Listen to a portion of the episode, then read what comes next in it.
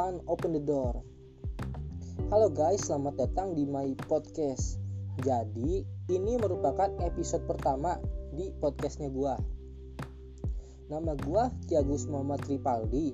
Orang biasanya sih panggil gua Aldi, cuman biar lebih keren, biar lebih deket panggil aja gua Al. Nah, gua mahasiswa semester 3 di salah satu kampus yang ada di kota Bandung, jurusan ilmu komunikasi. Selama di kampus, gue jadi salah satu mahasiswa yang sering kunang-kunang. Kuliah nangkring, kuliah nangkring.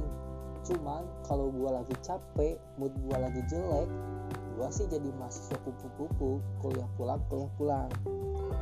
So, sedikit aja ya perkenalan dari gue. Soalnya gue bukan orang yang penting, jadi ya gak perlu lah gue jelasin lebih detail pribadi gue. Yang jauh lebih penting itu apa sih yang bakal gue bahas di podcast kali ini? Penasaran kan? So simak ya. Jadi di episode pertama ini gue ingin bahas mengenai sejarah komunitas pecinta alam.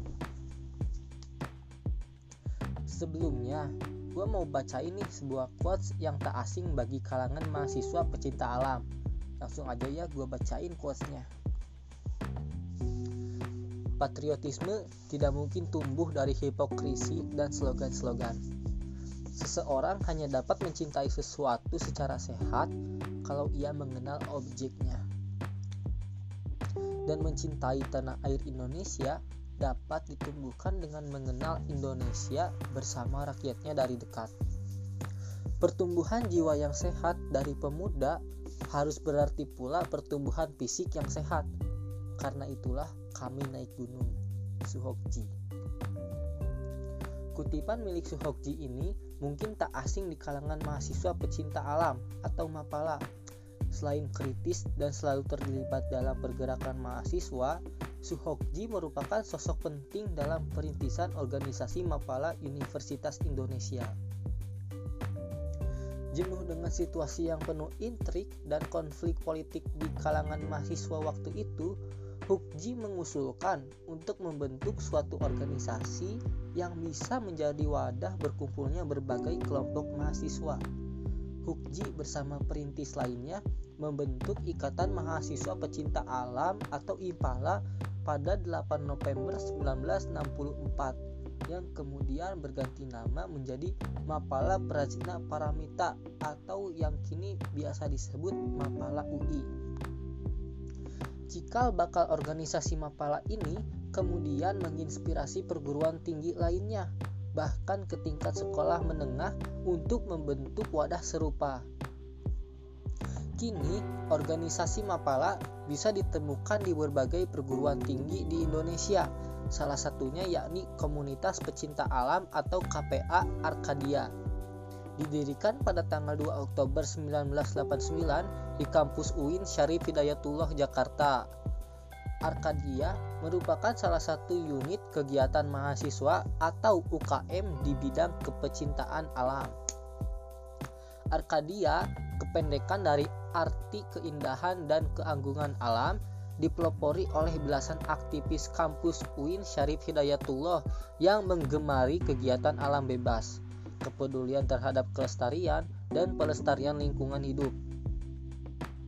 Kegiatan KPA Arkadia berfokus kepada advokasi dan konservasi lingkungan, search and research, kemudian kemanusiaan dan sosial, penjelajahan adat dan budaya, serta kegiatan alam bebas.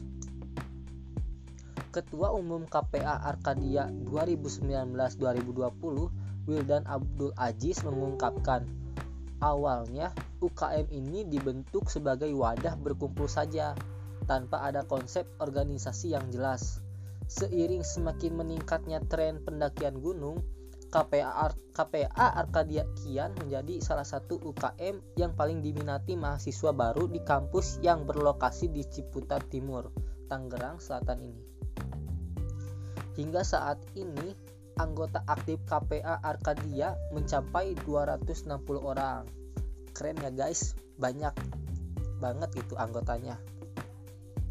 So, itu merupakan pembahas, pembahasan singkat mengenai sejarah komunitas pecinta alam di Indonesia.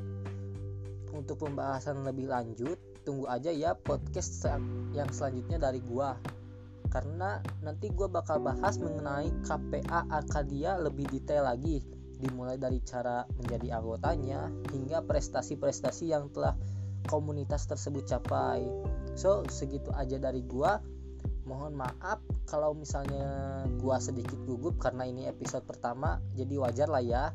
So thank you. And 3 2 1 close the door